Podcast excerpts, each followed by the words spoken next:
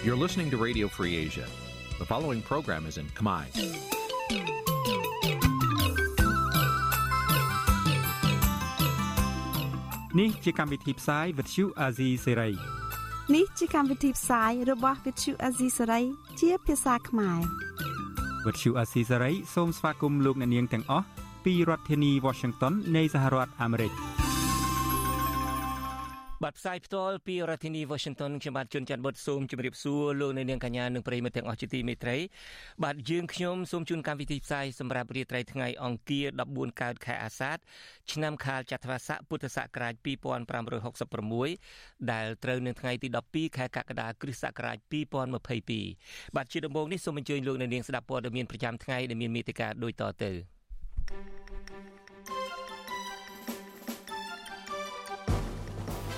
លោកសុនឆៃថាការចូលទៅបំភ្លឺនៅតុលាការធ្វើឲ្យខាតពេលវេលា ដែលលោកត្រូវយកពេលនោះទៅជួយពលរដ្ឋ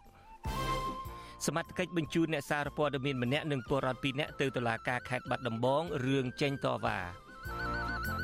ក្រមសហជីពមួយចំនួនប្រមានចេញតវ៉ាទ្រង់ទ្រាយធំជាមួយគឧតកោ Nagavel វេទិកាវិទ្យុអាស៊ីសេរីនារីត្រីនេះនឹងមានកិច្ចពិភាក្សាអំពីស្ថានភាពនយោបាយជុំវិញថាតើមន្ត្រីបកសង្គ្រោះជាតិបាននាំគ្នាចូលអន្ទាក់របស់លោកហ៊ុនសែនដែរឬទេរួមនឹងព័ត៌មានផ្សេងផ្សេងមួយចំនួនទៀត។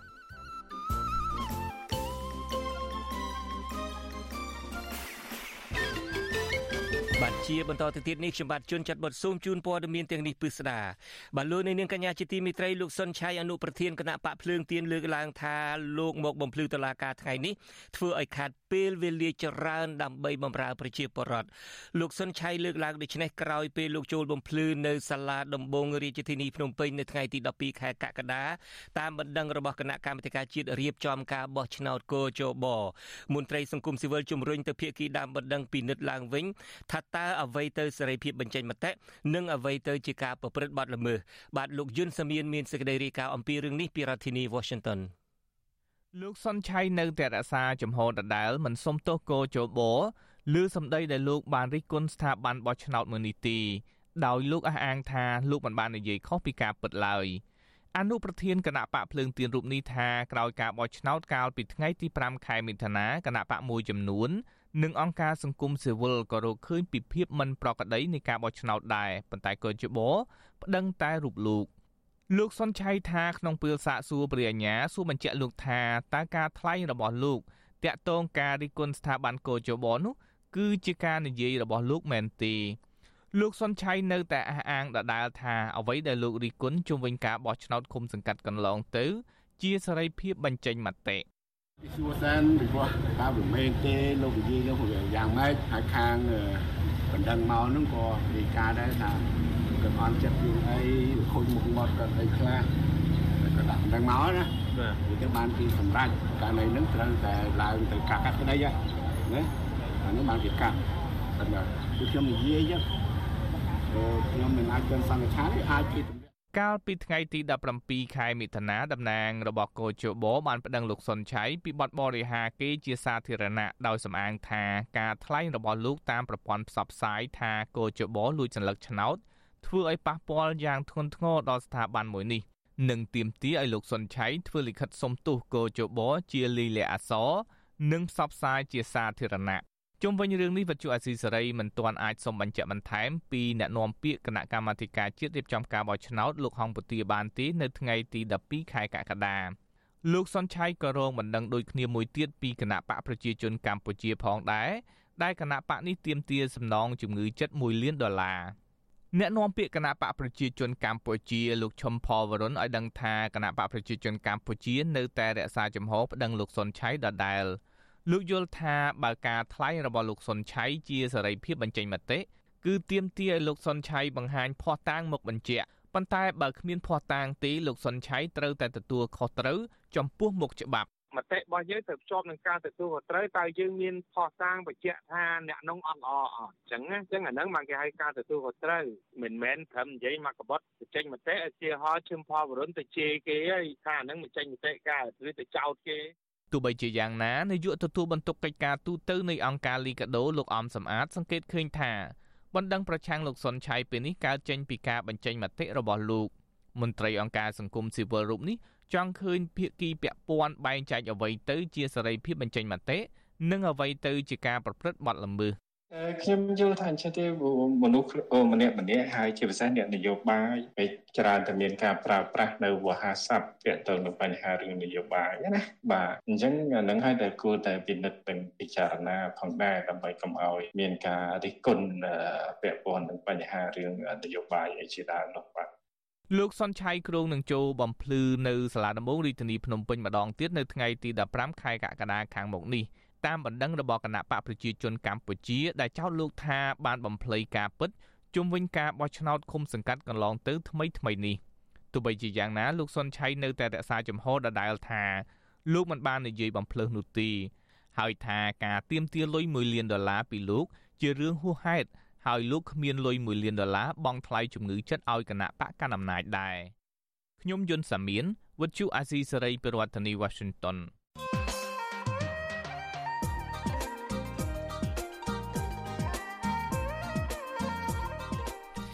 បាទលោកនាងកញ្ញាជាទីមេត្រីអ្នកតាមដានស្ថានភាពនយោបាយនៅកម្ពុជាមួយចំនួនមានទស្សនៈថាគណៈបកសង្គ្រោះជាតិបាននាំគ្នាដើរចូលអន្ទាក់របស់លោកហ៊ុនសែនបាទនាពេលបន្តិចទៀតនេះយើងនឹងមានកិច្ចពិភាក្សាអំពីរឿងនេះដោយមានអ្នកនយោបាយដែលមានទស្សនៈផ្សេងគ្នាពីររូបចូលរួមជាភាវកិត្តិយសបាទលោកបណ្ឌិតសូណារ៉ូនិងលោកបណ្ឌិតសេងសេរីនឹងចូលមកបកស្រាយនៅសំណួរមួយចំនួនដូចជាថាតើអន្ទាក់អ្វីខ្លះរបស់លោកហ៊ុនសែនដែលគណៈបកប្រឆាំងទាំងពីរដើរចូលរួចហើយហើយបើជាប់អន្ទាក់លោកនាយករដ្ឋមន្ត្រីហ៊ុនសែនហើយតើពួកគេអាចដោះខ្លួនចេញពីអន្ទាក់នោះដោយរបៀបណា តើនៅមានអន្ទាក់អ្វីខ្លះទៀតដែលលោកហ៊ុនសែនបានរាយដាក់ហើយដែលគណៈបកប្រឆាំងគួរដឹងនិងគួរជៀសវាងតើគណៈបកនយោបាយមួយចំនួនដែលមានមេដឹកនាំជាអតីតគណៈបកសង្គ្រោះជាតិ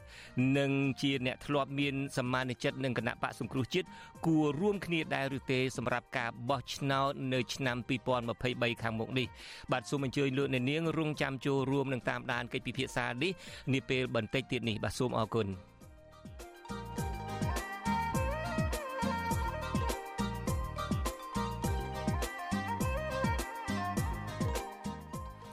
បាទលោកនាងកញ្ញាជាទីមេត្រីយើងងាកមកខេត្តបាត់ដំបងឯនេះវិញសមត្ថកិច្ចបញ្ជូនប្រជាពលរដ្ឋ3នាក់ទៅសាលាដំបងនៃខេត្តនេះនាវេលាម៉ោង2រសៀលនៅថ្ងៃទី12ខែកក្កដានេះការបញ្ជូននេះធ្វើឡើងបន្ទាប់ពីសមត្ថកិច្ចបញ្ចប់ការសាកសួរពលរដ្ឋ4នាក់នៅស្រុកភ្នំព្រឹកពាក់ព័ន្ធរឿងគៀកោពលរដ្ឋតវ៉ាប្រឆាំងនឹងសមត្ថកិច្ចដាក់ជញ្ជីងចល័តត្រួតពិនិត្យរថយន្តដឹកពោតរបស់កសិករសាច់ញាតិពលរដ្ឋចាត់ទុកការចាប់ខ្លួននេះថាជារឿងអយុត្តិធម៌និងជាការធ្វើបាបកសិករក្រីក្រ សង្គមស៊ីវិលក៏យល់ឃើញថាការចាប់ខ្លួនពលរដ្ឋនេះគឺជាការគំរាមកំហែងដល់សិទ្ធិសេរីភាពបញ្ចេញមតិរបស់ពលរដ្ឋហើយអំពាវនាវដល់សាលាដំបងខេត្តបាត់ដំបងឲ្យដោះលែងប្រជាពលរដ្ឋឲ្យមានសេរីភាពឡើងវិញបាទអ្នកស្រីសុជីវីមានសេចក្តីរាយការណ៍ជូនលោកអ្នកនាងអំពីរឿងនេះពីរដ្ឋធានី Washington ស្នងការនគរបាលខេត្តបាត់ដំបងបានបញ្ជូនពលរដ្ឋ3នាក់ទៅសាលាដំបងខេត្តក្រោយពីបានឃុំខ្លួនសួរនាំអស់រយៈពេល2ថ្ងៃពាក់ព័ន្ធនឹងការចោទប្រកាន់ថាបានគៀងគរប្រជាពលរដ្ឋឲ្យប្រមូលផ្ដុំតវ៉ាឲ្យអាជ្ញាធរនិងក្រុមជញ្ជីងចល័តផ្អាកត្រួតពិនិត្យរថយន្តថៃដឹកពោតរបស់កសិករទៅលក់នៅប្រទេសថៃអាជ្ញាធរបានឃាត់ខ្លួនអ្នកទាំង3កាលពីរសៀលថ្ងៃទី10ខែកក្កដាស្ថិតនៅក្នុងឃុំអូរំដួលស្រុកភ្នំព្រឹក សាច់ញាតិអ្នកដែលត្រូវសមត្ថកិច្ចចាប់ខ្លួនស្នើដល់សាលាដំបងពិចារណាដោះលែងសមាជិកគ្រួសារពួកគាត់មកវិញព្រោះពួកគាត់យល់ថាការចាប់ខ្លួននេះគឺជារឿងអយុត្តិធម៌បរិវត្ត3នាក់ដែលត្រូវអាជ្ញាធរបញ្ជូនទៅសាលាដំបងខេត្តនោះរួមមានលោកសែមឌីយ៉ាអ្នកសារព័ត៌មានបាត់ដំបងប៉ុស្តិ៍លោកហឹមច័ន្ទក្រឹស្នាកូនម្ចាស់សៃឡូឬកន្លែងប្រមូលទិញពោតនិងលោកកៅវាសនាជាកសិករចំណែកប្រពន្ធលោកកៅវាសនាលោកស្រីដនឌី សមត្ថកិច្ចបានដោះលែងឲ្យមានសេរីភាពវិញហើយនៅព្រឹកថ្ងៃទី12ខែកក្កដាម្ចាស់សៃឡូឬកន្លែងប្រមូលទិញពោតជាឪពុករបស់លោកហឹមច័ន្ទក្រឹស្នាប្រាប់វិទ្យុអាស៊ីសេរីនៅថ្ងៃទី12ខែកក្កដាថាលោកនៅមិនទាន់ដឹងថាតើសមត្ថកិច្ចចោតប្រកាន់កូនប្រុសរបស់លោកនោះពីបទអ្វីនៅឡើយទេលោកលើកឡើងថាកូនរបស់លោកមិនបានប្រព្រឹត្តខុសច្បាប់អ្វីឡើយលោកបញ្ជាក់ទៀតថារថយន្តដឹកពោតរបស់ជនជាតិថៃ ដែលត្រូវបានសមត្ថកិច្ចនិងក្រុមការងារជញ្ជីងចល័តចាប់បាននោះមិនមែនជារបស់លោកឡើយ គេថាបញ្ជូនថ្ងៃនេះឥឡូវខ្ញុំពងរងចាំដែរបងចាំមើលគេបញ្ជូនអន់បងគេចោតកូនខ្ញុំយ៉ាងម៉េចយ៉ាងម៉េចក៏ខ្ញុំមិនទាន់ដឹងចឹងបងអត់មានអ្នកណាម្នាក់ប្រាប់យើងចឹងឥឡូវបានតែរងចាំមើលខ្ញុំពងចាំមើលសំណុំបែបមាត់សំណុំរឿងហ្នឹងតើគេចោតកូនខ្ញុំហ្នឹងទៅជាយ៉ាងម៉េចអីយ៉ាងម៉េចព្រោះកូនខ្ញុំគ្នានៅក្មេងណាស់ហើយគ្នាក៏គ្មានបំណងដែរគ្នាដែលប៉ះការចេះដឹងហ្នឹងណាគ្នាឡាយគ្នាអីលេងអញ្ចឹងគ្នាមិនមែនជាអ្នកគៀងគរមិនមែនជាអ្នកញុះញង់ទេតើច្បាប់ត្រូវកាត់ទោសគ្នាយ៉ាងម៉េចខ្ញុំក៏ចាំមើលអញ្ចឹងបង លោកសំណុំពរដល់សាលាដំបងខេត្តបាត់ដំបងឲ្យដោះលែងកូនប្រុសរបស់លោកមកវិញលោកក៏សំណុំពរឲ្យមន្ត្រីនៃក្រមជញ្ជីងចល័តបន្ធូរបន្ថយការត្រួតពិនិត្យមួយរយៈដើម្បីឲ្យកសិករប្រមូលផលពោតរួចរាល់សិនព្រោះកសិករទើបតែរងគ្រោះព្រោះវិបត្តិជំងឺ Covid-19 មិនទាន់បញ្ចប់ស្របពេលមានភ្លៀងធ្លាក់ខ្លាំងជាបន្តបន្ទាប់ធ្វើឲ្យដំឡូងរលួយអស់ឥឡូវទើបបានប្រមូលផលពោតដែលកសិករគិតថា នឹងបានតម្លៃខ្ពស់អាចទប់ទល់និងដោះស្រាយបំណុលធនាគារបាន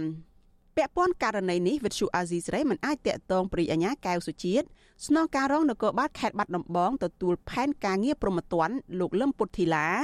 និងនាយការិយាល័យប្រមត្តនកម្រិតស្រាលលោកឈឿនកំសុងដើម្បីសូមអត្ថាធិប្បាយជុំវិញបញ្ហានេះបានទេនៅថ្ងៃទី12ខែកក្កដាដោយទូរស័ព្ទចូលតែគ្មានអ្នកទទួល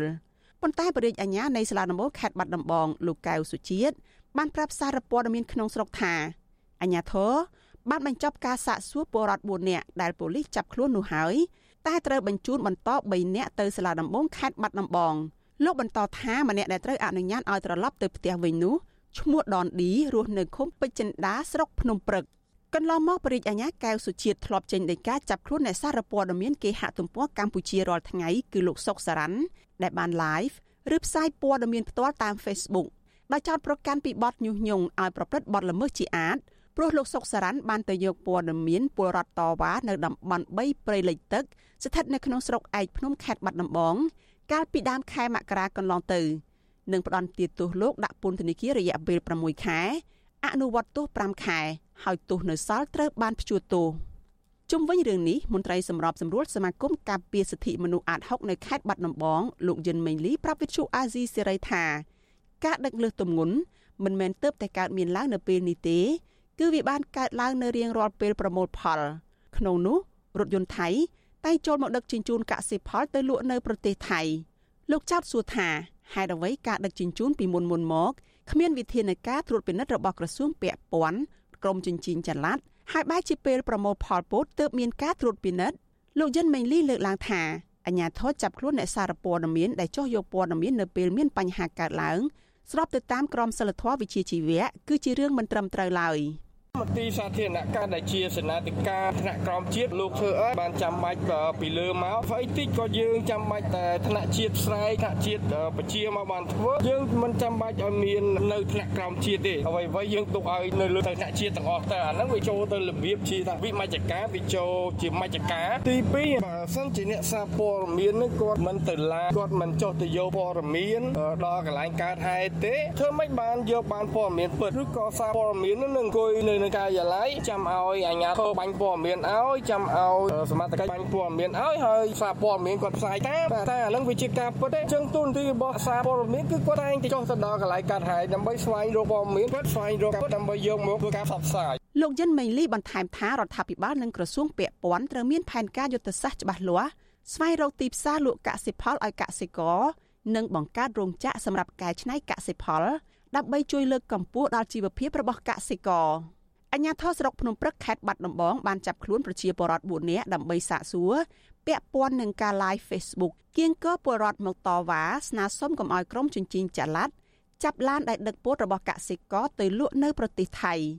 ពលរដ្ឋមើលឃើញថាមូលហេតុដែលតម្លៃពោតចុះថោកនិងគ្មានអ្នកទិញគឺមកពីសមត្ថកិច្ចបន្តដាក់ជញ្ជីងចល័ត កសិករបាននាំគ្នាតវ៉ាទាមទារឲ្យសមត្ថកិច្ចបញ្ឈប់ការដាក់ជញ្ជីងចល័តត្រួតពិនិត្យរថយន្តដឹកពោតរបស់កសិករកាលពីយប់ថ្ងៃទី9និងព្រឹកថ្ងៃទី10ខែកក្កដាកន្លងទៅនាងខ្ញុំសុជីវីវិទ្យុអាស៊ីសេរីពីរដ្ឋធានី Washington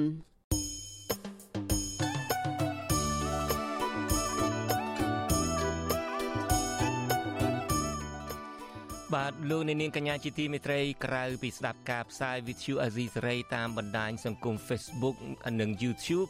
លោកអ្នកនាងក៏ស្ដាប់ អាចស្ដាប់វិទ្យុអាស៊ីសេរីតាមវិទ្យុរលកធាតុអាកាសខ្លី ដែលមានកម្រិតនិងកម្ពស់ដូចតទៅនេះពេលព្រឹកចាប់ពីម៉ោង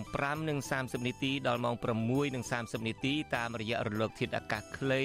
12140 kHz ស្មើនឹងកម្ពស់ 25m និង13715 kHz ស្មើនឹងកម្ពស់ 22m ពេលយប់គឺផ្សាយពីម៉ោង7កន្លះដល់ម៉ោង8កន្លះតាមរលកធាតុអាកាស ខ្លីគឺ9960 kHz ស្មើនឹងកម្ពស់ 35m និង12140 kHz ស្មើនឹងកម្ពស់ 25m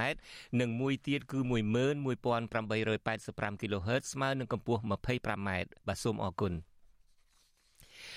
បាទលោកនាងកញ្ញាជាទីមេត្រីសកម្មជនចលនាមេដាធម្មជាតិចំនួន6នាក់ដែលតុលាការចោទប្រកាន់ពីបទរួមគំនិតក្បត់និងប្រមាថព្រះមហាក្សត្របានបង្ហោះវីដេអូឃ្លីបមួយតាមបណ្ដាញសង្គមទាមទារឲ្យតុលាការទម្លាក់ចោលបទចោទទៅលើពួកគេ សង្គមស៊ីវិលយល់ថាតុលាការគួរតែផ្ដល់ការលើកទឹកចិត្តដល់សកម្មជនបរិស្ថានជាជាងការធ្វើទុកបុកម្នេញទៅលើពួកគេ បាទសូមអញ្ជើញលោកនាងស្ដាប់សេចក្តីរាយការណ៍អំពីរឿងនេះរបស់លោកយ៉ងច័ន្ទរាពីរដ្ឋធានី Washington សកម្មជនចលនាមេដាធម្មជាតិទាំង6នាក់ដែលរងបាត់ចោតនៅក្នុងរឿងរួមគំនិតក្បត់និងប្រមាថព្រះមហាក្សត្របានបង្ហោះវីដេអូមួយនៅលើទំព័រ Facebook មេដាធម្មជាតិនៅរសៀលថ្ងៃទី12ខែកក្កដា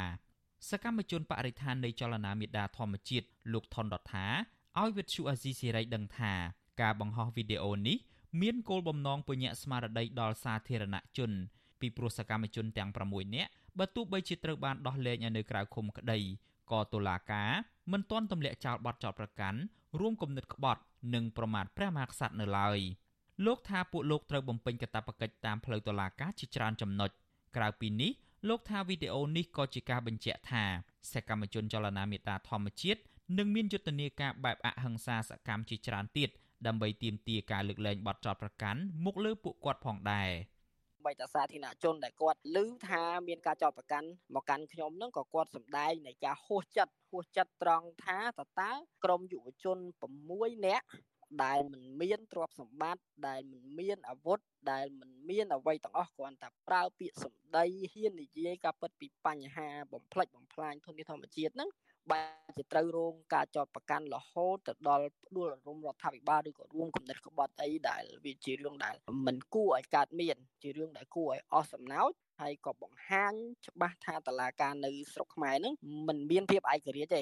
តាក់ទងរឿងនេះមេធាវីការពារក្តីឲ្យសកម្មជនបរិស្ថានទាំង6រូបគឺលោកសំចម្រើនថ្លែងថាសំណុំរឿងនេះកំពុងស្ថិតនៅក្នុងដំណាក់កាលស៊ើបសួរហើយតុលាការមិនទាន់ជំរុញឲ្យមានដំណើរការរឿងក្តីនេះនៅឡើយទេ លោកបន្ថែមថាលោកគ្រងដាក់ពាក្យស្នើសុំទម្លាក់ចោលបទចោទប្រកាន់មកលើកូនក្តីរបស់លោកនៅក្នុងពេលឆាប់ឆាប់ខាងមុខនេះពីព្រោះរឿងក្តីនេះមិនមែនជារឿងក្តីស្មុគស្មាញនោះទេ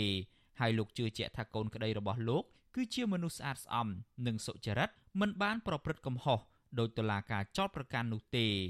ដោយសាររឿងក្តីមិនមែនជារឿងក្តីស្មុគស្មាញទេយើងអាចថាសំណុំពោតាមរយៈសារព័ត៌មាននៅតាមរយៈអីហ្នឹងឲ្យតុលាការជួយពន្លឿននីតិវិធីនឹងឲ្យបានចប់ឆាប់ឆាប់ក៏ល្អដែរព្រោះអីយើងឃើញថាពេលវេលាក៏វាស័ក្តិសមល្មមហើយឃើញថាដំណើរការគឺក្តីនឹងវាដូចជាយឺតយ៉ាវវិទ្យុអាស៊ីសេរីមិនអាចតាក់ទងប្រធានលេខាធិការដ្ឋានសាលាដំបងរាជធានីភ្នំពេញលោកអ៊ីរិនដើម្បីស្នើសុំអធិប្បាយជុំវិញបញ្ហានេះបានទេ នៅថ្ងៃទី12ខែកក្កដា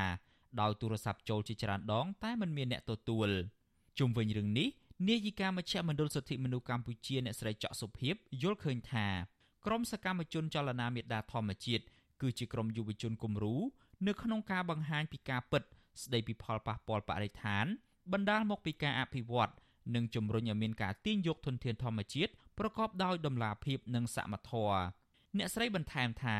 ទាំងរដ្ឋធម្មនុញ្ញនិងច្បាប់សិទ្ធិមនុស្សអន្តរជាតិ បានចែងច្បាស់នៅក្នុងការលើកកម្ពស់ការចូលរួមរបស់យុវជន នៅក្នុងកិច្ចការងារសង្គមនិងនយោបាយហើយកាន់តែពិសេសទៀតនោះគឺពិភពលោករាល់ថ្ងៃកំពុងយកចិត្តទុកដាក់ទៅលើការកាត់បន្ថយការប្រែប្រួលអាកាសធាតុ សម្រាប់យើងជាអង្គការសង្គមស៊ីវិលហ្នឹងយើងធ្លាប់លើកតាំងពីដើមមកហើយថាពួកគាត់មិនគួរត្រូវបានចាក់ខ្លួនមិនគួរត្រូវបានរងនឹងការចោទប្រកាន់ទេចាគាត់គួរតែត្រូវបានការចោទប្រកាន់ហ្នឹងទម្លាក់ចោលហើយនឹងសំខាន់បំផុតដូចខ្ញុំបានលើកចឹងគឺសកម្មភាពពួកគាត់គួរតែទទួលបានការសាទរហើយនឹងការបង្កបរិយាកាសអំណោយផលសម្រាប់ពួកគាត់ចូលរួមទៅវិញទេសាលាដំបងរាជធានីភ្នំពេញបានចោទប្រកាន់សកម្មជនបរិស្ថានកញ្ញាសុនរដ្ឋានិងលោកយីមលៀងហ៊ី ពីបទរួមគំនិតក្បត់ និងប្រមាថព្រះមហាក្សត្រចំណែកលោកលីច័ន្ទដារាវុធតុលាការបានចោទប្រកាន់ពីបទរួមគំនិតក្បត់ កាលពីខែមិថុនាឆ្នាំ2021នៅក្នុងសំណុំរឿងនេះដែរកញ្ញាឡុងគុន្ធា កញ្ញាភួនកែវរស្មី និងលោកថនរដ្ឋានៅក្នុងពេលជាប់ឃុំខ្លួននៅពន្ធនាគារតុលាការក៏បានចោទប្រកាន់ពួកគាត់មួយបទល្មើសទៀតគឺពីបទរួមគំនិតក្បត់បន្ថែមពីលើបទចោទញុះញង់ ដែលពួកគាត់ត្រូវបានឃាត់ខ្លួនកាលពីដើមខែកញ្ញាឆ្នាំ2020ក្រោយការដោះលែងនៅក្រៅឃុំបណ្ដោះអាសន្នកាលពីខែវិច្ឆិកាឆ្នាំ2021កន្លងទៅក្រុមសកម្មជនចលនាមេដាធម្មជាតិបានទទួលពានរង្វាន់ចំនួន2ពានរង្វាន់ទី1គឺជាពានរង្វាន់អ្នកការពារសិទ្ធិមនុស្សឆ្នើមប្រចាំឆ្នាំ2021ពីបណ្ដាញអង្គការសង្គមស៊ីវិលក្នុងប្រទេសកម្ពុជា និងមួយទៀតគឺជាពានរង្វាន់អ្នកការពារជួរមុខពីអង្គការ Frontline Defender ចំពោះភាពក្លាហាននិងហ៊ានប្រថុយប្រឋានគ្រោះថ្នាក់ដើម្បីការពារបរិស្ថាននៅក្នុងប្រទេសកម្ពុជាខ្ញុំយ៉ងច័ន្ទដារាវិទ្យុអាស៊ីសេរីរាយការណ៍ពីរដ្ឋធានី Washington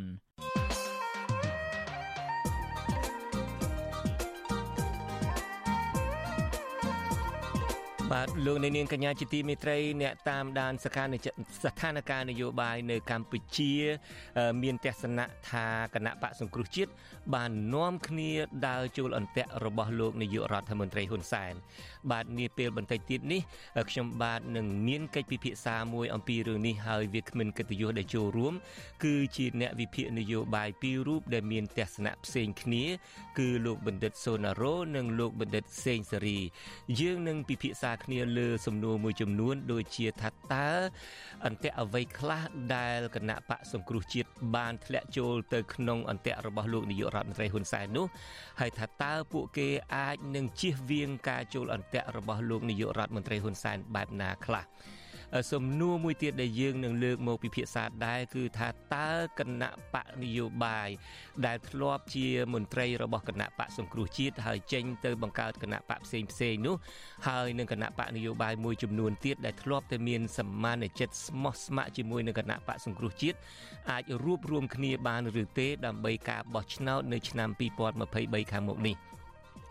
បាទនេះគឺជាសំណួរមួយចំនួនដែលយើងនឹងលើកយកទៅពិភាក្សានាពេលបន្តិចទៀតនេះ។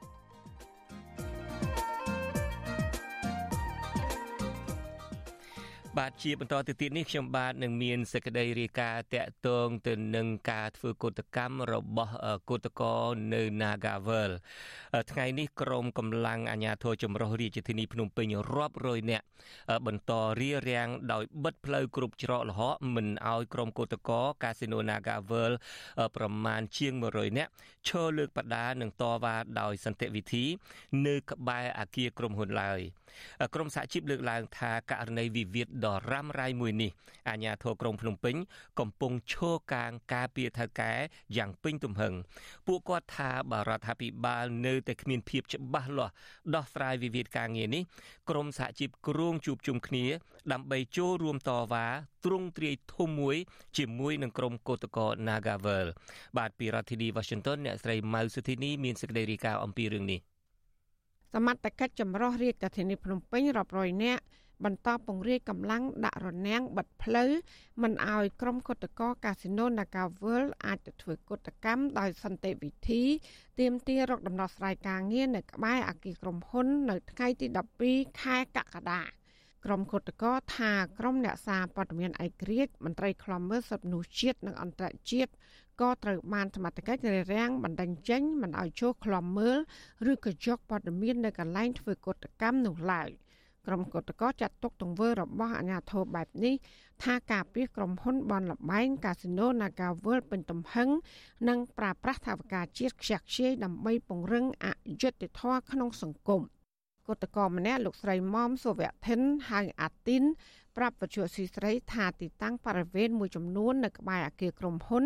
គឺជាកន្លែងទីស្នាក់ការរបស់អាជ្ញាធរដើម្បីដាក់កម្លាំងត្រៀមរារាំងក្រុមគុតកោជាប្រចាំ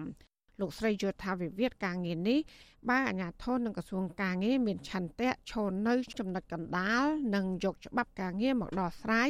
គឺវិវាទការងារនេះនឹងអាចបញ្ចប់បានដែលអាចទទួលបានគ្រប់ភាគី។ ប៉ុន្តែលោកស្រីថាបាអាញាធននៅតែមានចំហការពារក្រុមហ៊ុនដោយសពថ្ងៃនេះថៃកែបនលបៃមួយនេះនឹងអាចមានឱកាសរំលាយសហជីពឯករាជ្យហើយអ្នកដែលទទួលរងអយុត្តិធម៌នឹងការកេងប្រវ័ញ្ចកម្លាំងពលកម្មគឺជាបរដ្ឋខ្មែរ រឿងហ្នឹងវាជារឿងអំណះរបស់អាជ្ញាធរព្រោះពួកបងធ្វើអ្វីដែលត្រឹមត្រូវដែលមានចែងនៅក្នុងច្បាប់រដ្ឋធម្មនុញ្ញប៉ុន្តែពួកគាត់ពំពេញច្បាប់ហើយពួកគាត់អត់ខ្មាស់គេទេគាត់គាត់យកទ្រូងពួកគាត់ហ្នឹងមកពាំងជំនួសគេទាំងដែលវិវាទហ្នឹងជាវិវាទការងារពួកគាត់ត្រូវនៅចំណុចកដាលតែអត់នៅកដាលហ្នឹងគាត់ទៅកាងតកែបរទេសដែលមិនមែនជាជនជាតិខ្មែរខ្លួនឯងអញ្ចឹងសោកស្ដាយហើយពួកគាត់អស់តម្លៃដោយសារតែគាត់ហ្នឹងយកខ្លួនទៅពាក់ព័ន្ធទៅកាងឲ្យតកែណាកាវើអស់តម្លៃអលីងហ្មងខ្មែរខ្លួនឯងអត់ថាអត់មានជាតិនិយមអីមិនតិចសោះហ្មងទន្ទឹមគ្នានេះដែរប្រធានសហព័ន្ធសហជីពកម្មករចំណីអាហារនិងសេវាកម្មកម្ពុជា អ្នកស្រីអ៊ូទេផលីនដែលខ្លំមើលការធ្វើកតកម្មនេះពីដំបូងមក ថ្លែងថាអាញាធរក្រុងភ្នំពេញហាក់ជួយជ្រោមជ្រែងក្រុមហ៊ុនបនលបែងកាស៊ីណូ Naga World ហើយតែងតែដាក់កម្លាំងបង្ក្រាបក្រុមគុតកោយ៉ាងទៀងទាត់ដែលជាហេតុនាំឲ្យវិវាទការងារនេះបន្តអូសបន្លាយ។ បន្ថែមពីនេះអ្នកស្រីលើកឡើងថាការបន្តចាប់ប្រកាន់លៀបពណ៌ទាំងគ្មានមូលដ្ឋាន ពីសំណាក់ស្ថាប័នរដ្ឋពាក់ព័ន្ធមួយចំនួនជាហូរហែកន្លងមកនេះគ្រាន់តែជាចេតនាអាក្រក់ដើម្បីដាក់បន្ទុកលើក្រុមគឧតកោនិងលេះដើម្បីកម្ចាត់គឧតកោព្រមទាំងសមាជិកសហជីពដទៃទៀតចេញពីក្រុមហ៊ុន Nagavel តែប៉ុណ្ណោះលោកស្រីថាក្រុមគឧតកោមិនត្រូវបានអាជ្ញាធរដឹកទៅទម្លាក់នៅជាក្រុងភ្នំពេញដោយសពដងនោះឡើយ។អ្នកងា ររដ្ឋរបស់យើងហ្នឹងឯងក៏បរិយាកាសអំណោយផលទៅឲ្យវិស័យឯកជនឬក៏តកែណាកាហ្នឹងកាន់តែពង្រើកតើការដោះស្រាយហើយតាមរយៈការជួយជុំជ្រុំជ្រែងតាំងពីកម្លាំងជួយជ្រុំជ្រែងតាំងពីលិខិតបែបប័ណ្ណផ្សេងផ្សេងចេញពីក្រសួងការងារទៀតយើងមើលឃើញរូបភាពទាំងអស់ហ្នឹងឯងដែលមើលមើលឃើញថាអំណាចរបស់នាការហ្នឹងគឺការចេញមកពីអ្នកដែលក្រសួងការងារហើយនឹងសាលាក្រុងហ្នឹងតែម្ដងជួយចេញមុខចេញមាត់ដោះស្រាយបញ្ហាក្រាបរំលាយសហជីពឲ្យបានបោះកម្មករយុជកនឹងឯងវត្តជអសីស្រីមិនអាចតតងแนะនាំពាក្យស្នងការដ្ឋាននគរបាលរាជធានីភ្នំពេញលោកសានសុកសីហានិងแนะនាំពាក្យគណៈកម្មាធិការសិទ្ធិមនុស្សរដ្ឋាភិបាលលោកកតាអូនដើម្បីសាកសួរបញ្ហានេះបានទេនៅថ្ងៃទី12ខែកក្កដាប៉ុន្តែមន្ត្រីអាជ្ញាធររដ្ឋាភិបាលតែងចោទប្រកាន់ក្រុមគឧតកោថាធ្វើបាតកម្មខុសច្បាប់ ក្រុមគឧតកោក្រុមហ៊ុន Nagavel បានចាប់ផ្ដើមធ្វើកុតកម្មដើម្បីទាមទារសិទ្ធិសេរីភាពការងារតាំងពីថ្ងៃទី18ខែធ្នូឆ្នាំ2021ដោយក្រុមកម្មការចោទថកែបនលបែងដ៏ធំជាងគេនៅកណ្ដាលក្រុងភ្នំពេញនេះថាបានកេងប្រវ័ញ្ចរំលោភបំពានសិទ្ធិកម្មករព្រមទាំងមានចេតនាលុបបំបាត់សម្លេងសហជីពឯករាជ្យនៅកន្លែងការងារមកដល់ពេលនេះទោះបីជាក្រុមកុតកោបានស្វាស្វែងរកកិច្ចអន្តរាគមន៍ ពីសំណាក់លោកនាយករដ្ឋមន្ត្រីហ៊ុនសែននិងស្ថាប័នរដ្ឋាភិបាលក្តីក៏រដ្ឋាភិបាលនៅតែមិនអើពើចេញមុខដោះស្រាយបញ្ចប់វិវាទការងារដ៏រ៉ាំរ៉ៃនេះដែរបន្ថែមពីនេះការចេញតវ៉ារបស់ក្រុមគឧតកោនារយៈពេលកន្លងមកនេះតែងតែត្រូវបានកម្លាំងអាជ្ញាធរបង្ក្រាបយ៉ាងទៀងទាត់រហូតដល់មានការប្រើអំពើហិង្សាទៅលើក្រុមគឧតកោម្នាក់បណ្ដាលឲ្យរលូតកូនក្នុងផ្ទៃកាលពីពេលថ្មីថ្មីនេះ ថ្មីត្បិតតំណាងក្រុមហ៊ុននិងតំណាងភាគីកម្មករបានចរចាគ្នាជាច្រើនលើកច្រើនសារមកហើយក្រោមការសម្របសម្រួលរបស់ក្រសួងការងារក្តីក៏រហូតមកដល់ពេលនេះនៅតែមិនទាន់បានទទួលលទ្ធផលជាវិជ្ជមានណាមួយនៅឡើយជាពិសេសថ្មីថ្មីនេះទោះបីជាក្រុមកម្មករជាង300នាក់ដែលកំពុងបម្រើវិស័យបនលបែងនេះព្រមដោះដូរជាមួយនឹងសមាជិកសហជីពជាង200នាក់ ឲ្យចូលធ្វើការងារវិញក្តីក៏ភាគីក្រុមហ៊ុននៅតែបន្តបដិសេធក្រោមហេតុផលថាចំនួនកម្មករមានចំនួនលើសតម្រូវការជុំវិញរឿងនេះប្រធានសហភាពសហជីពកម្ពុជាលោករងឈុនមើលឃើញថាអាញាធរជាពិសេសក្រសួងការងារมันមានចេតនាក្នុងការដោះស្រាយបញ្ចប់វិវាទការងារនេះឡើយ លោករីគុណថាការដាក់ចេញកម្លាំងសមត្ថកិច្ចរារាំងបំបត្តិសិទ្ធិក្រុមគឧតកោមិនឲ្យតវ៉ារកដំណោះស្រាយជា បន្តបន្ទាប់មកនេះនឹងជះឥទ្ធិពលអាក្រក់ទៅកាន់អ្នកដឹកនាំប្រទេសបន្ថែមទៀតលោករងឈុនឲ្យដឹងថាបើរដ្ឋាភិបាលជាពិសេស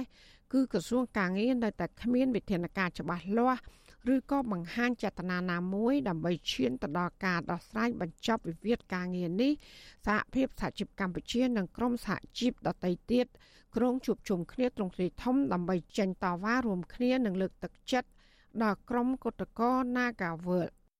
វិធីគម្រាមវិធីចាប់ដាក់គុកអីផ្សេងមែនអាចបំបត្តិទឹកចិត្តស្មារតីរបស់ប្រជាពលរដ្ឋខ្មែរបានដែរបើសិនជាកាន់តែគៀបកាន់តែរឹតបន្តឹងនៅថ្ងៃណាមួយវាមានការផ្ទុះឡើងត្រង់ទ្រាយធំអានឹងវានឹងកើតមានហើយពីព្រោះមនុស្សយើងមិនមែនចេះតែនៅស្ងៀមឲ្យធ្វើការគៀបសង្កត់ធ្វើការជិះជាន់សពបែបយ៉ាងទេតែដល់ដំណាក់កាលណាមួយទៅរើបំរាស់ខ្លាំងឡើងខ្លាំងឡើងហើយបាទទោះយ៉ាងណាក្រុមគឧតកោថាពួកគាត់នៅតែបដិញ្ញានឹងនៅតែមានឆន្ទៈរួមគ្នា បន្តការចេញតវ៉ាដើម្បីទាមទារឲ្យថៅកែក្រុមហ៊ុន Casino Naga World បញ្ឈប់ការរើសអើងសហជីព និងទទួលយកបុគ្គលិកចំនួនជាង200នាក់ឲ្យចូលធ្វើការវិញបើទោះបីជាអាជ្ញាធរដាក់កម្លាំងបង្ក្រាបនិងរារាំងពួកគាត់យ៉ាងណាក្តីចាននាងខ្ញុំម៉ៃសុធានីវិទ្យុអាស៊ីស្រី ប្រធានាធិបតី Washington បាទលោកអ្នកនាងកញ្ញាទើបតែបានស្ដាប់ព័ត៌មានប្រចាំថ្ងៃដែលជម្រាបជូននៅខ្ញុំបាទជួនច័ន្ទបុតពីរដ្ឋធានី Washington បាទសូមអញ្ជើញលោកអ្នកនាងរងចាំស្ដាប់និងចូលរួមក្នុងនីតិវិទ្យាអ្នកស្ដាប់វិទ្យុអាស៊ីសេរីដែលនឹងចាប់ផ្ដើមនាពេលបន្តិចទៀតនេះ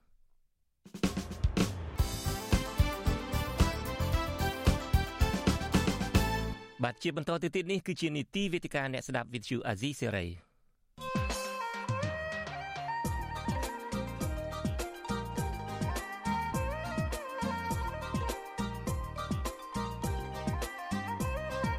វេទិកាអ្នកស្ដាប់វិទ្យុ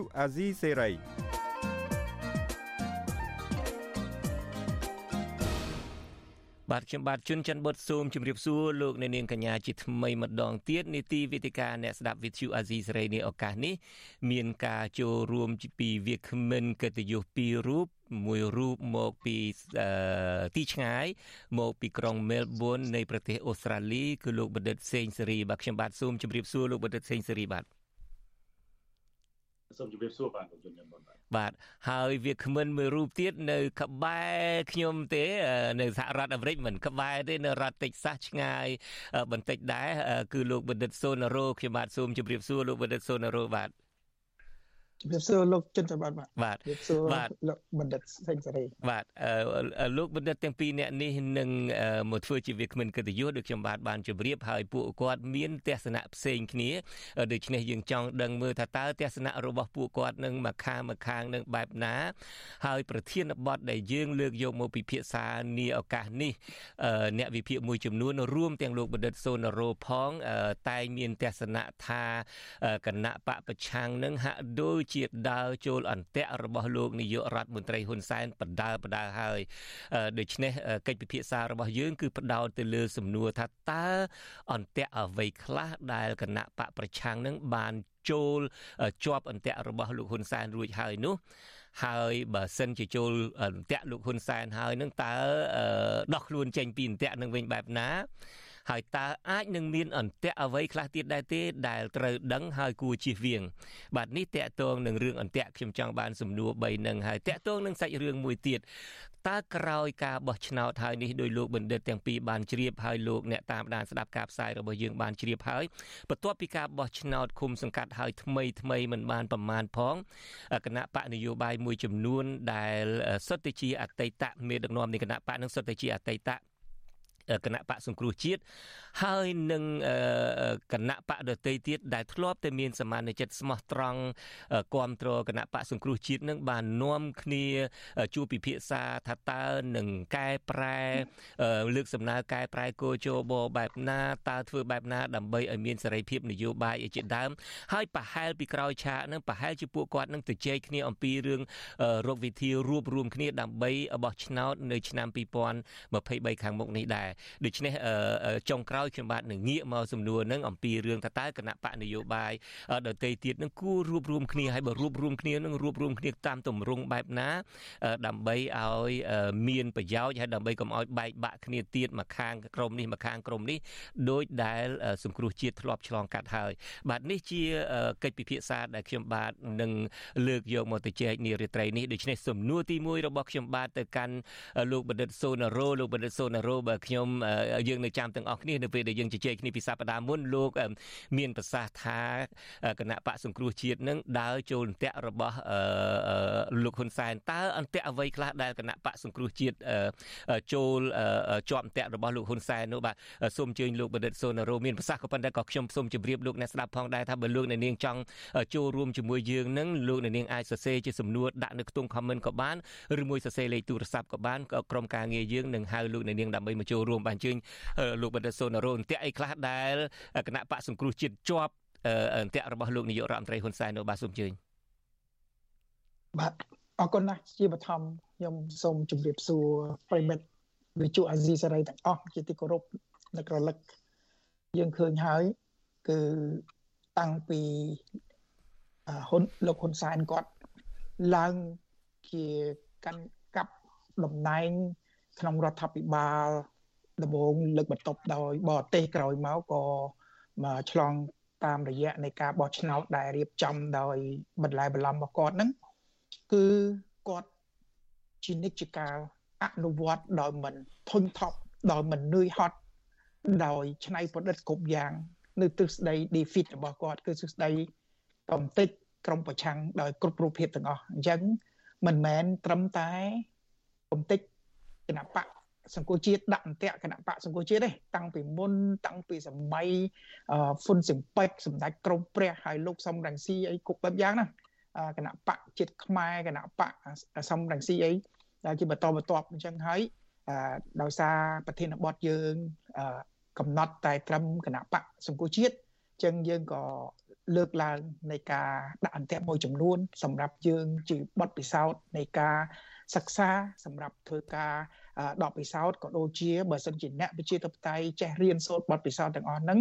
ដោយសុចរិតដោយតម្លាភាពយើងអាចយើងអាចកែកុនស្ថានភាពបានមួយចំនួនឧទាហរណ៍យើងឃើញហើយបោះឆ្នោតហើយ2013គឺជាមហាកម្លាំងដែលរួបរวมមិនដែលធ្លាប់មានក្នុងប្រវត្តិសាស្ត្រអ្នកប្រឆាំងតាំងពីក្រោយកិច្ចព្រមព្រៀងទីក្រុងប៉ារីសមក គឺ2013ហ្នឹងការបោះឆ្នោតដើមភ្លុកទឹកភ្លុកដីហើយយើងដឹងដោយសារយើងអត់បានកែតម្រង់គោលជបឲ្យបាត់ដិតដល់អញ្ចឹងហើយតាមពិតលទ្ធផល គឺគណៈបកសង្គមជាតិមានឧត្តមភាពក្នុងការយកឈ្នះបាទបាទយកឈ្នះក៏ប៉ុន្តែចេញលទ្ធផលមកបែរជាចេញមកដោយផ្សេងអញ្ចឹងហើយហើយពួកខាងគណៈបកមេដឹកនាំមិនហ៊ានប្រឈមនឹងបញ្ហាទេនិយាយអស់ទៅ គឺបន្ទាប់ពីបោះឆ្នោតហើយភ្លាម គឺមានការប្រកាសថាយើងឈ្នះហើយក៏ប៉ុន្តែហើយភ្លាមគ្រាន់តែការសម្លុតគម្រាមពី CPP ភ្លាមគឺដូរចំហភ្លាមគាត់ណាដូរចំហហ្នឹងតាមពិតលោកបណ្ឌិតខ្ញុំចាំដែរបាទមកដុំម៉ោង4ឬម៉ោង5ប្រហែលជា2ម៉ោងឬ3ម៉ោងមុននៃការផ្សាយផ្ទាល់របស់អាស៊ីសេរីយើងឃើញថាអូគណៈបកសង្គ្រោះជាតិឈ្នះហើយ ហើយយើងក៏រៀបចំការផ្សាយសរសេរអត្ថបទហើយអីហើយគ្រប់សពបែបយ៉ាងទាំងអស់ផ្អែកទៅតាមការប្រកាសនោះក៏ប៉ុន្តែ2ម៉ោងជាងក្រោយមកនៅពេលដែលយើងអញ្ជើញមេគណៈបកសង្គ្រោះជាតិឡើងផ្សាយគាត់ថាឈ្នះនឹងគឺប្រជាពលរដ្ឋកម្ពុជាជាអ្នកឈ្នះ ទៅវិញដូច្នេះរៀងខុសពី សង្គ្រោះជាតិឈ្នះនេះគ្រាន់តែថាចង់បន្ថែមពីព្រោះយើងទាំងអស់គ្នារស់នៅក្នុងព្រឹត្តិការណ៍នឹងទាំងអស់គ្នានៅពេលនោះបាទសូមអញ្ជើញបន្តទៀតចុះលោកបណ្ឌិតបាទបាទបានន័យថាថ្នាក់ដឹកនាំគណៈបកសង្គមជាតិអត់បានត្រៀមខ្លួនសម្រាប់ព្រឹត្តិការណ៍ដែលខ្លួនឈ្នះហើយហ៊ានតស៊ូដើម្បីការពារសមិទ្ធផលរបស់ខ្លួនឯងទេអញ្ចឹងគ្រាន់តែ2ម៉ោងដែលដូរផ្លាស់ពីការ យើងឈ្នះហើយទៅជាប្រជាជនជាអ្នកឈ្នះហើយក្រោយក្រោយមកទៀតទៅឈ្នះក្នុងចិត្តឈ្នះក្នុងថ្លើមអីហ្នឹងគឺសិតតែរឿងដែលចំណុចខ្សោយដែលលោកហ៊ុនសែនគាត់ចាប់បានហើយគាត់ចាប់បានគាត់ដឹងថា ពួកនេះអាចសម្រាប់បានសុំបកក្រោយបន្តិចវិញចុះបើកវងកញ្ចក់វិញទៅចុះលោកបណ្ឌិតតាមពិតខ្ញុំតែងតែសួរលោកសំរៀនស៊ីដែរថាហេតុអីបានជារយៈពេល2ម៉ោងនឹងដូរការប្រកាសនឹងរៀងឆ្ងាយពីប្រធានបទយើងតិចប៉ុន្តែហេតុតែលោកបណ្ឌិតលើកឡើងហើយតើលោកបណ្ឌិតអាចវាយតម្លៃយ៉ាងម៉េចដែរទេផ្ដល់ការវិភាគបែបណាដែរទេដែល ក្នុងរយៈពេល2ម៉ោង2ម៉ោងជាងនឹងមានការផ្លាស់ប្ដូរការប្រកាសពីប្រធានគណៈបកសង្គ្រោះជាតិដល់ថ្នាក់នឹង ពេលនោះគឺគឺគឺមានសម្ពាធធ្ងន់ធ្ងរបាទសម្ពាធធ្ងន់ធ្ងរខ្ញុំជឿថាខ្ញុំមិន còn មិនមានអឺផ្ោះតាំងអីច្បាស់លាស់ទេក៏ប៉ុន្តែខ្ញុំជឿថាមានសម្ពាធមានការគម្រាមកំហែងមានការសម្លុតច្រើនណាស់ក៏ប៉ុន្តែថ្នាក់ដឹកនាំយើងមិនចិត្តសឿងដោយថ្នាក់ដឹកនាំនៅហ្វីលីពីននៅពេលដែលលោកម៉ាកូសគាត់ប្រកាសឈ្នះឆ្នោតថាអ្នកស្រីអាគីណូក៏ប្រកាសឈ្នះឆ្នោតដែរនោះអ្នកស្រីអាគីណូបដូរផ្ដាច់រក្សាចំហខ្លួនឯងថាខ្លួនឯងឈ្នះ ចែគណៈបកសង្គមជាតិមិនបដូរផ្ដាច់ក្នុងការបញ្ជាក់បើសិនជាយើងហ៊ានចេញមកប្រកាសចឹងហើយយើងត្រូវតែប្រកាន់ចំហថាយើងឈ្នះសិនហើយដើម្បីយើងតវ៉ាតស៊ូអីអានឹងតាមក្រោយតាមមើលចាក់ស្ដែងតែនៅពេលតើតើសម្ពាធនឹងលោកបណ្ឌិតតើសម្ពាធនឹងអាចជាសម្ពាធថានឹងអឺ បើតាមយើងឮថានៅពេលដែលគណៈបកប្រជាជនកម្ពុជាឈ្នះឆ្នោតភ្លាមនឹងឃើញមានចល័តតបឃើញមានអីហ្នឹងតើសម្ពាធនឹងការដែលលោកសំរងស៊ីដូរចិត្តវិញនឹងគឺជាការមួយដែល ខ្វល់ខ្វាយចំពោះប្រជាពលរដ្ឋខ្លាចកែលោកគេប្រើអាវុធអីទៅធ្វើឲ្យខូចខាតដល់អាយុជីវិតប្រជាពលរដ្ឋទេអាចគាត់ខ្វល់ក្នុងសាច់រឿងហ្នឹងទេបានជាដូរនឹងក្រៅតែដែលលោកបណ្ឌិតថាមានសម្ពាធពេលនោះនឹងបាទ បាទជាការពិតណាស់គឺលោកហ៊ុនសែនតែងតែប្រើកម្លាំងប្រដាប់អាវុធដើម្បីជាការគម្រាមកំហែងប្រើតុលាការប្រើផ្លូវច្បាប់ជាការគម្រាមកំហែងក៏ប៉ុន្តែបើយើងតាំងជួខ្លួនជាមេបពប្រឆាំងហើយយើងរួមគ្នាធំប៉ុណ្ណឹងហើយយើងត្រូវហ៊ានប្រឈមហើយអត់មានផ្លូវណាក្រៅពីប្រឈមទេហើយប្រឈមហ្នឹងគឺវាច្បាស់ហើយវាមិនមានបញ្ហាក៏ប៉ុន្តែបើសិនជាការប្រឈមជាលក្ខណៈសមូហភាពរួបរวมសាមគ្គីគ្នា ទុកឱកាសពួកនឹងបង្ក្រាបតាមរបៀបទំហំធំចាប់មនុស្សរាប់ម៉ឺននាក់វាទៅជាវាទៅជាចរន្តហៅថាផ្ទុះពិភពលោកវិញឯងបាទហើយអន្តរជាតិគេនៅតែយកអាពាក្យដែលថាយើងឈ្នះហើយហ្នឹងទៅជា clear នៅលើស្ថាបព័ត៌មានមកពិភពលោកទាំងអស់ក៏ប៉ុន្តែនៅពេលដែលយើងកែពាក្យគឺស្ថាបព័ត៌មានកញ្ញាហ្មងអញ្ចឹងមិនថាធ្វើនយោបាយមួយចានទឹកមួយចានគោកពេលហ្នឹងភ្លាមភ្លាមហ្នឹងបើយើងសុកចិត្តយើងអត់ប្រកាសអាហ្នឹងផ្សេង តែបើយើងប្រកាសហើយយើងត្រូវហ៊ានប្រឈមត្រូវហ៊ានការពារនៅសមិទ្ធផលដែលយើងចង់បានអញ្ចឹងហើយគ្រាន់តែជំហានដំបូងហ្នឹងគឺយើងបង្ហាញចំណុចខ្សោយថាយើងអត់ហ៊ានអឺឈោងយកអំណាចដោយដោយដោយដោយដោយកម្លាំងមហាជនក៏ប៉ុន្តែមិនមែនមានន័យថាយើងត្រូវតែទៅបះបោដូចនៅសេរីលង្កានៅអីទេក៏ប៉ុន្តែពេលនោះគឺកម្លាំងមហាជនធំធេងមែនទែនសំបីលោកហ៊ុនសែនមុខឡើងខ្មៅហើយ4 10ថ្ងៃអត់ឃើញមុខលោកហ៊ុនសែនទេគឺ គាត់យំចិត្តមែនតើមិនដែលឃើញចរន្តប្រជាប្រជាពលរដ្ឋងើបឡើងវាធំធេងដល់ប៉ុណ្ណឹងអញ្ចឹងហើយខ្ញុំខ្ញុំថាករណីចំណុចនឹងមួយវាជាការយើងយើងបង្ហាញចំណុចខ្សោយរបស់យើងបាត់ទៅហើយហើយមានច្រើនទៀតនៅបាតកម្មបាតកម្មគូបាតកម្មនេះយើងដូចជាបំផ្លាញកម្លាំងរបស់ខ្លួនឯងចឹងវត្តកម្មអី5 6ខែហត់នឿយមនុស្សដើររាល់ថ្ងៃមានកម្លាំងណាស់ដើរទៀតហើយលុយកាក់ចាយមក មកមកមួយមួយថ្ងៃមួយថ្ងៃអស់ប្រមាណអីប្រមាណតែគោលដៅវាអត់មានដឹងជាបាតកម្មនឹងដើម្បីអីពិតប្រកបទេមកអីពិតប្រកបទេសូម្បីតែបាតកម្មនេះមិនដែលម្ដងណាក្បួនបាតកម្មនេះយើងដឹងបាតកម្មវែងក៏ប៉ុន្តែក្បួនដឹកនាំដោយក្បួនក្បួននេះមិនដែលហែទៅដល់វិមានឯករាជ្យបានម្ដងទេមិនហាក់ក្បែរផ្ទះលោកហ៊ុនសែនបានម្ដងខ្ញុំថាខ្ញុំសង្ស័យថាក្បាលបាតកម្មដែលអ្នកដឹកនាំទៅនេះអាចត្រូវរើមួយលោកហ៊ុនសែនបានហើយអញ្ចឹង ហ៊ុនសែនបើកឲ្យហាយហាយហាយហាយទៅណាហាយពេលអត់ឲ្យឆ្លងកាត់ផ្ទះគាត់ទេអញ្ចឹងឯងក្បួននេះវានៅទៅអញ្ចឹងវាទៅអញ្ចឹងកម្លាំងយំវា exhaust បានទៅវាអស់វាអស់តិចដងតិចដងតិចដងដល់របៀបអស់តិចដងតិចដងហើយហ៊ុនសែនត្រៀមឱកាសនៃការបង្ក្រាបហើយដល់អញ្ចឹងហើយត្រៀមឱកាសនៃការបង្ក្រាបដំបូងគាត់ឲ្យពួកសន្តិសុខស៊ីឈ្នួលរបស់គាត់ហ្នឹងធ្វើការវាយដំច្រំធាក់បាត់តកអីអីដើម្បីឲ្យបង្កើតកំហឹងទៀតក៏ប៉ុន្តែដល់តែពេលដល់តែពេលគាត់ថាត្រូវគាត់វាយលុកហើយគឺគាត់ យកយើងយើងយើងនឹកឃើញហើយយកដុំឈើយកស្អីស្អីមកតម្លាក់នៅទីលានប្រជាធិបតេយ្យហ្នឹងហ្មងយកមកតម្លាក់ដើម្បីឲ្យពួកបាតកោសង្គមជាតិនេះដែលកំពុងតែមានកំហឹងពុំមានយ៉ាងនេះចូលក្នុងបន្ទាក់របស់ហ៊ុនសែនគឺយកដំបងយកទៅវាយពួកសន្តិសុខឯកជនហើយយើងវាយយើងរុញវាយហើយយើងគ្រប់គ្រងស្ថានភាពអត់បានពេលហ្នឹងវាទៅជាចូលបន្ទាក់មួយទៀតដែរចូលបន្ទាក់នៃការ ហ៊ុនសែនចាប់ដើមបើកយុទ្ធនាការបង្ក្រាបដោយចោតទុកថាយើងជាអ្នកបង្កហិង្សាយើងទៅជាអ្នកអឺហៅថាធ្វើការវាយបហាធ្វើបាបពួកកម្លាំងសមត្ថកិច្ចទៅវិញណាវិញទៅជាយ៉ាងកម្លាំងសមត្ថកិច្ចក៏ឡោមកវាយធ្វើបាបបាតកោដល់កក៏គេក៏អត់និយាយទេណាអញ្ចឹងហើយវាចូលអន្ទាក់មួយទៀតដែរវាចូលអន្ទាក់ចាប់ដើមតែបើកយុទ្ធនាការបង្ក្រាបហើយបង្ក្រាបហើយវាឈានទៅដល់ផ្លូវវិញស្រេងអីហ្នឹងក៏វាដូចគ្នាអញ្ចឹងគឺថាតែងតែគាត់បង្កើតឲ្យ ឲ្យមហាជន គឺថាចូលតាក់ក្នុងការវាយលុកទៅមុនហើយលោកសំរងស៊ីយ៉ាងដែរបាតកម្មបាតកម្មគាត់ទៅចូលអុកលុកទៅដល់រោងចក្រហើយក៏អំពាវនាវឲ្យកម្មករងើបឡើងប្រឆាំងតកាយអីអីហ្នឹងអានេះវាចូលតាក់ផ្លូវច្បាប់របស់ហ៊ុនសែនណាដែលពេលដែលគាត់ទៅស្រែកលូឡានឹកដកចូលដល់រោងចក្រពីព្រោះទីធ្លារោងចក្រគឺជាទីធ្លាឯកជនគេយើងមិនអាចចេះទៅចូលទេប៉ុន្តែធម្មតាយើងតែមនុស្សយើងថាពេល ចូលចេះទៅទៅទៅទៅទៅដល់បំផុសបំផុលអញ្ចឹងទៅគាត់ជាប់វិធានផ្លូវច្បាប់របស់គេទៀតហើយដល់ផ្លូវវិញផ្សេងចឹងដែរពួកគេបន្ទាប់ពីញុះញង់ឲ្យក្មេងៗគប់ដុំថ្មគុំអីចឹងទៅគេបង្ក្រាបគេបាញ់ហើយគេបើកទៅជាយុទ្ធនៃការបង្ក្រាបធំទីលានប្រជាធិបតេយ្យអីអីក៏ដូចជាបង្ក្រាបជាជាទូទៅហ្មងដល់ពេលហើយគេហ៊ានបង្ក្រាបតែនៅពេលដែលយើងវាអស់អស់លេងមកមហាជនម្នាក់ម្នាក់គឺថាលក់មន់លក់ទីលក់ជ្រូកលក់ ឆ្កែអីអស់ហើយអស់លីងហើយដើម្បីទៅបាតកម្មនឹងហើយបាតកម្មនឹងខ្ញុំមើលទៅវាអត់មានគោលដៅអីឲ្យច្បាស់ហើយបានតែមិនស្រេកលូឡាដើម្បីអូសទាញកម្លាំងរៀងរៀងខ្លួនហើយវាមិនខុសពីការបាតកម្មឆ្នាំ98ដែលសម្ដេចគុំព្រះជាមួយនឹងលោកសំរងស៊ីធ្វើបាតកម្មនៅមុខរដ្ឋសភាទេហើយខ្ញុំនៅទីនឹងខ្ញុំជាសាក់សីប្រវត្តិសាស្ត្រហ្មងគឺឆ្នាំ98ហ្នឹងពេលបាតកម្មយ៉ាងសន្ធោសន្ធៅហ្នឹងអស់លោកអត់ដឹងទេតែតែខ្ញុំគឺជា អ្នកដឹងច្បាស់ណាស់គឺសម្ដេចកុំព្រះត្រូវរើជាមួយនឹងលោកហ៊ុនសែនហើយហើយត្រូវរើអារឿងថាគាត់បានផ្ញើសារតាមរយៈមើលមកជំរាបទៅលោកហ៊ុនសែនថាបើគាត់មិនចូលរួមបាតកម្មលោកសំរងស៊ីនឹងដណ្ដើមកម្លាំងគាត់អស់ចឹងហើយគាត់ត្រូវតែធ្វើបាតកម្មតែគាត់មិនគាត់មិនវាយលុកលោកហ៊ុនសែនក្នុងកម្រិតដែរដែលលោកហ៊ុនសែនធ្វើឲ្យលោកហ៊ុនសែនមានការអញ្ចឹងខ្ញុំក្នុងបាតកម្មលើកនេះក៏អញ្ចឹងដែរខ្ញុំសង្ស័យមានការត្រូវរើណាមួយ ពីព្រោះអាក្បួនបាតកម្មនេះគេដឹកទៅគេមិនដែរដឹកឆ្លងទៅកន្លែងណាគោលដៅសំខាន់ខាន់នេះគឺគឺដើរទៅមើលឲ្យមួយថ្ងៃមួយថ្ងៃអស់កម្លាំងអស់បាយអស់ទឹកអស់អីអាលីងហើយបាច់រំសាយទៅផ្ទះអញ្ចឹងវាមានវាមានបញ្ហាអញ្ចឹងហើយដាក់អន្ទាក់មានច្រើនណាស់ក្រែងលោកខ្ញុំនិយាយមិនអស់គ្រាន់តែរំលឹកឡើងវិញទាំងអស់ហ្នឹងដើម្បីឲ្យយើងឃើញថាយើយើងធ្វើនយោបាយប៉ុន្តែពេល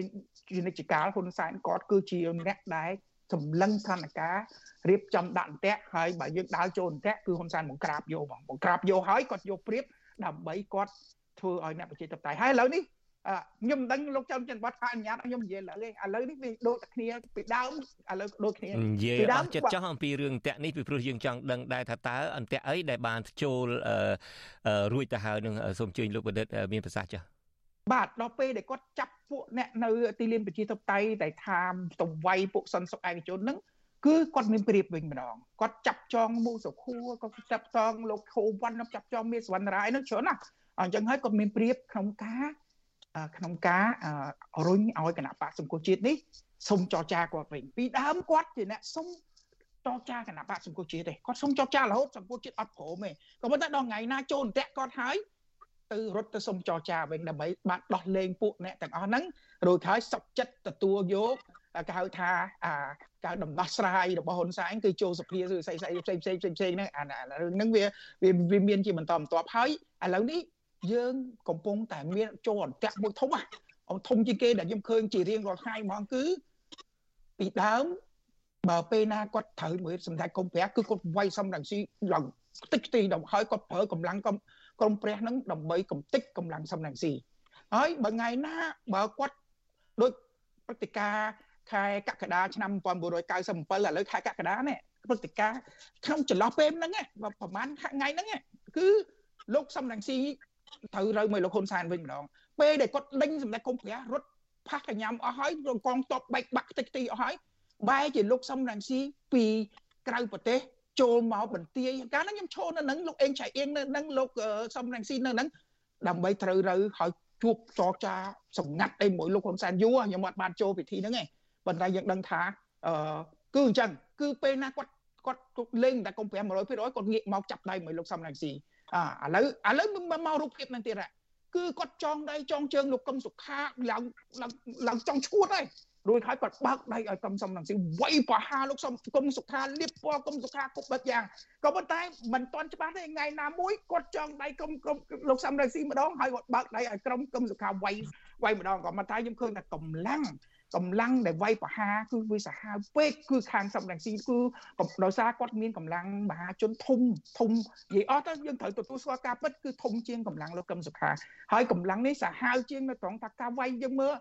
នៅក្នុង Facebook គឺវាយប្រហារជេរប្រមាថលៀបពណ៌ហ្នឹងគឺគឺវា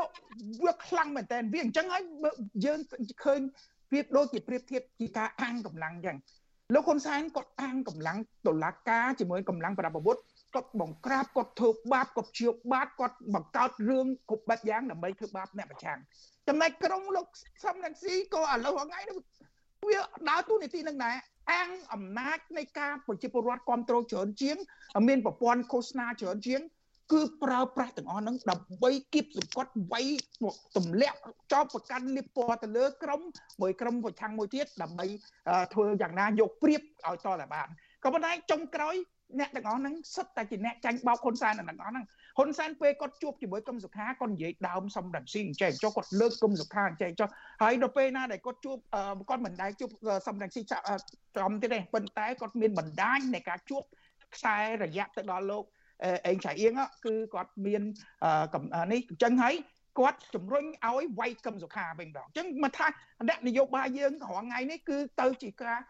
ក្រិចសមរភូមិរួមនៃការតវ៉ាជាមួយនឹង CPP ហើយគឺងាកមកខំគ្នាឯងខំសាហាវបំផុតដល់អញ្ចឹងហើយខ្ញុំថារឿងនេះវាជារឿងអអកុសលមួយដែលយើងតែងតែជន់អន្តៈរបស់ហ៊ុនសែននៃឆ្នាំបំបែកបំបាក់កម្លាំងខ្លួនឯងរួចហើយចុងក្រោយគឺយើងទាំងអស់គ្នានឹងបរាជ័យនៅចំពោះមុខលោកហ៊ុនសែនហើយអំណាចនៅហ៊ុនសែនកាន់4 10 20ឆ្នាំទៀតមិនដឹងប្រហែលឆ្នាំហើយជាពិសេសតាមរយៈនៃការបែករបស់គណៈបកភ្លឹងទៀននេះអាច ផ្ដល់អំណោយទានទៅដល់គណៈបក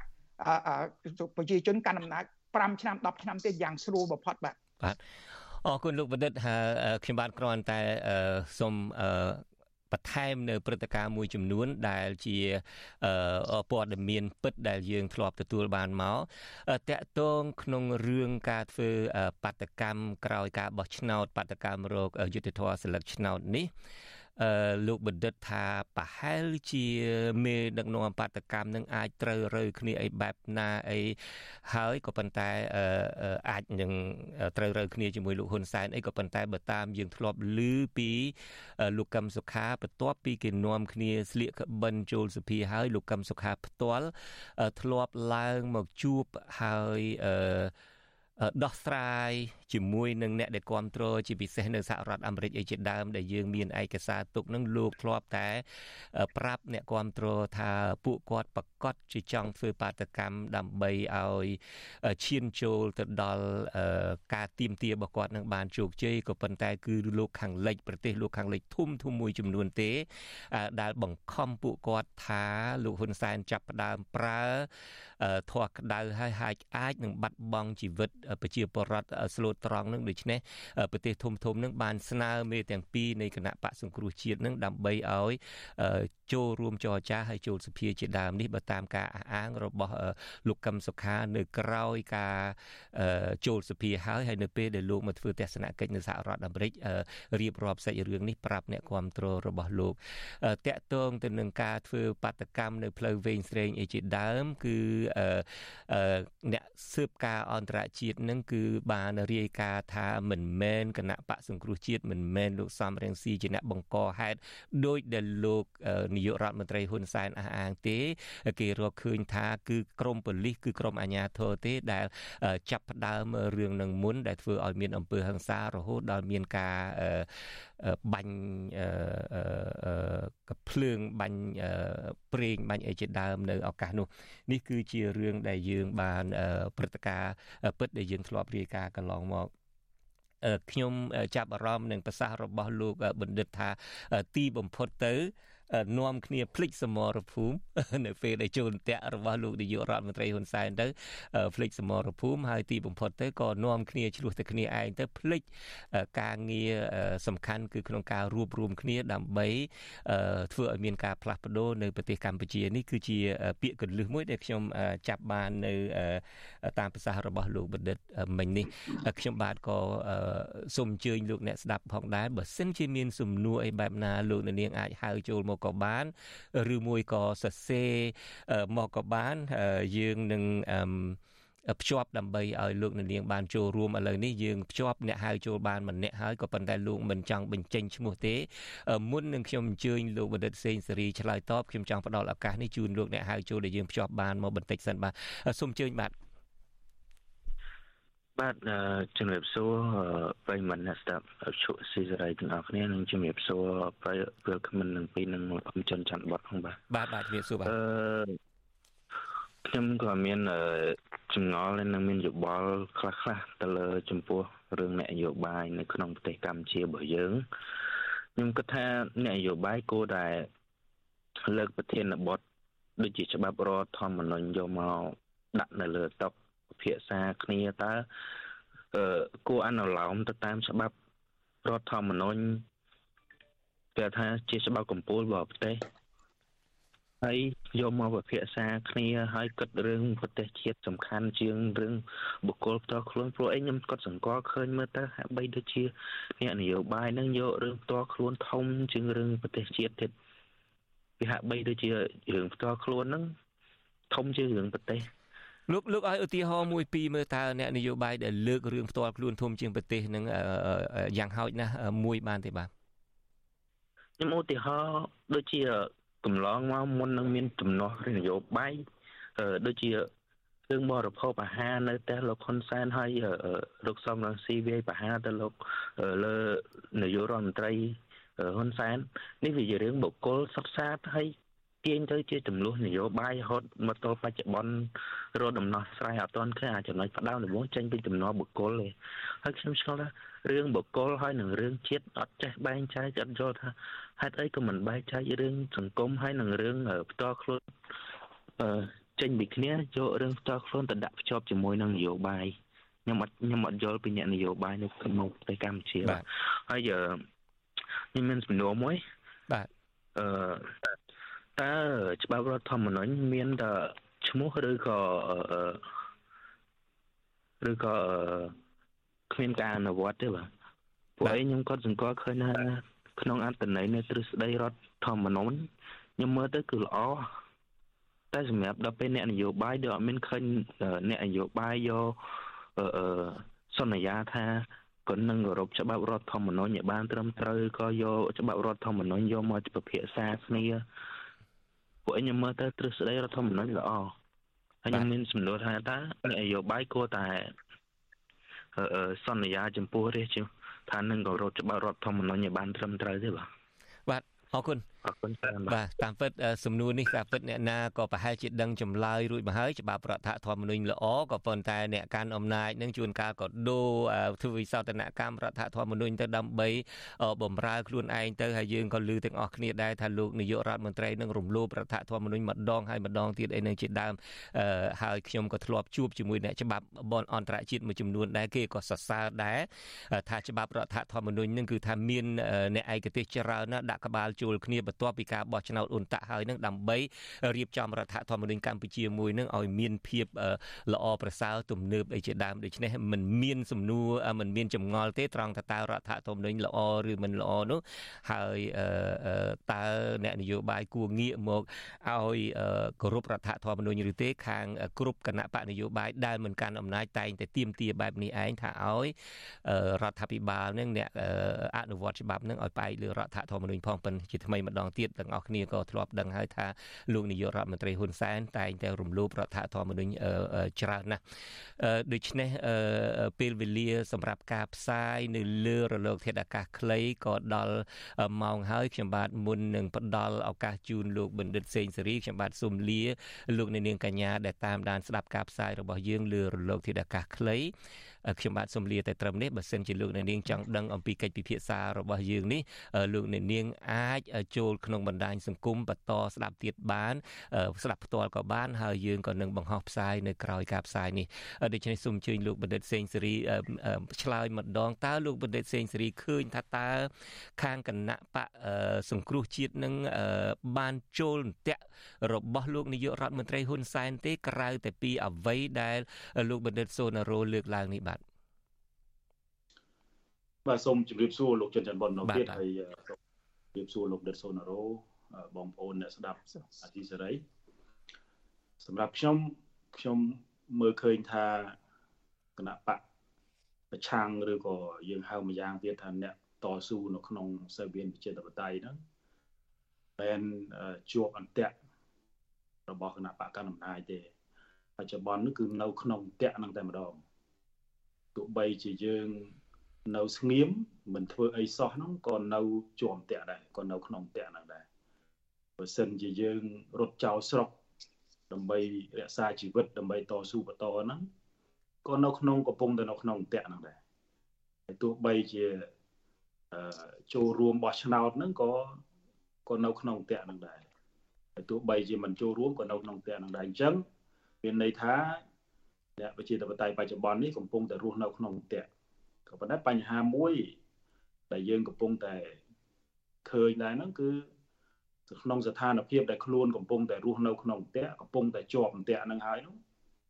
បែរជាមិនសាមគ្គីគ្នា